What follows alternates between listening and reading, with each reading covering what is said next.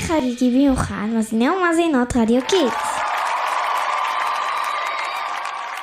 אל תלכו לשום מקום, הישארו כאן לחגוג איתנו תלמידי בית ספר קמים אלקנה באולפן המקושט והיפה לכבוד התאריך ה' באייר, יום העצמאות ה-75 של ארץ ישראל!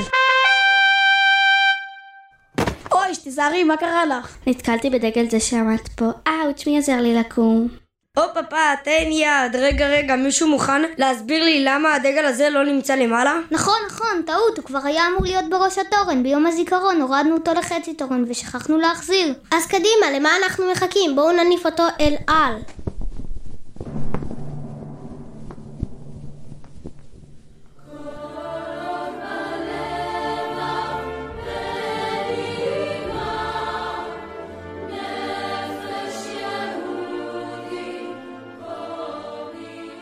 אוקיי חברים, זהו זה, משימה הושלמה, אפשר לחזור למקומות. ובכן כבר הרמנו את הדגל לגובה המתאים, מה עכשיו, זיקוקים? סבלנות, חברים, סבלנות. לפני הזיקוקים, את לא חושבת שהמאזינים שלנו צריכים לדעת איך נבחר המנון למדינת ישראל? ברור שהם צריכים לדעת, פרט חשוב כזה, מי לא ידע? מצוין, נינו, אז אם אתה יודע כל כך יפה, בוא בבקשה תספר למאזינים שלנו את תולדות המנון התקווה. זהו שבעצם אני לא כל כך יודע מאיפה הגיע ההמנון הזה, זכור לי משהו על רומניה אבל. רומניה? מה הקשר רומניה? זה לא אמור להיות ההמנון הישראלי? בטח ישראלי, מה השאלה? אלא שההשראה להמנון הזה התגלתה בכלל ברומניה כאשר המשורר הישראלי נפתלי ארץ אימבר התארח בבית ידידו, משכיל יהודי מקומי. אה, זה הוא שכתב את ההמנון? שווה. יש אפילו רחוב על שמו בבאר שבע. נכון, לא רק בבאר שבע, גם בנתניה. אבל בכל אופן שהיה ברומניה בשנת 1878 הוא חיבר שיר עם תשעה בתים בשם תקוותנו. השיר תקוותנו ביטא כיסופים לציון וצפייה לגאולה ולרחמי האל, ונשזרו בו ציטוטים מהתנ"ך. וואו, מעניין. ומתי שינו לו את השם? ואיך זה הפך להיות ההמנון הרשמי? שאלה נפלאה אריאל. ועכשיו, נקרא לתלמידי כיתה ד' לבוא לענות עליה. וגם להצטרף אלינו לזיקוקים ולחגיגות. קדימה, קבלו אותם לאולפן בשירה וריקודים.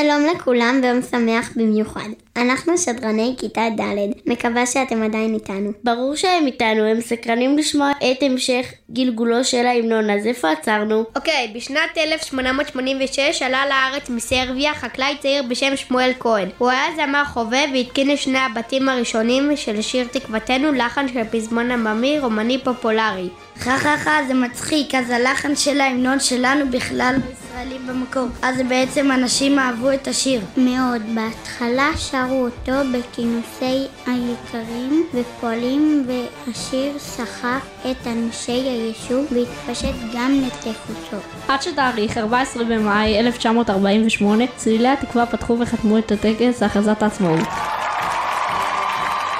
השיר התקבל כהמנון המדינה והוא מושמע בטקסים ממלכתיים, ציבוריים ואחרים. וגם בטקס היפה שנערוך היום כאן באולפני רדיו קידס. מאזינים אהובים, שדרנים יקרים. מוכנים? כן.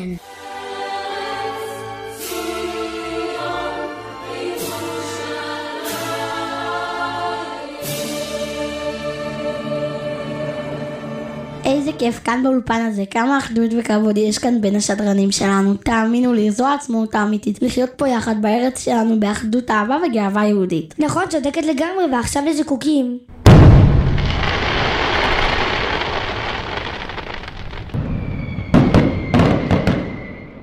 תודה שהייתם איתנו מאזינים יקרים. היי, בדיוק עוד מעט מתחיל שידור חי של חידון התנ"ך העולמי, כאן בארץ הקטנה והיפה שלנו. היי, אני רוצה לצפות. המשך יום חגיגי לכולם. אנחנו היינו כל כרמים מתחנת רדיו קידס. הרדיו שמשדר על הגל שלכם. ביי ביי.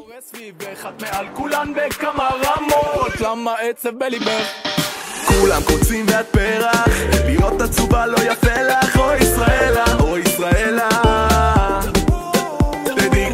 שחיפשתי מוצא בך, אין דבר בעולם שחסר לך, אוי ישראלה, אוי ישראלה.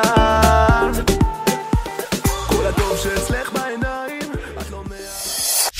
רדיו קידס 120 FM, תחנת הרדיו הראשונה לילדים ונוער.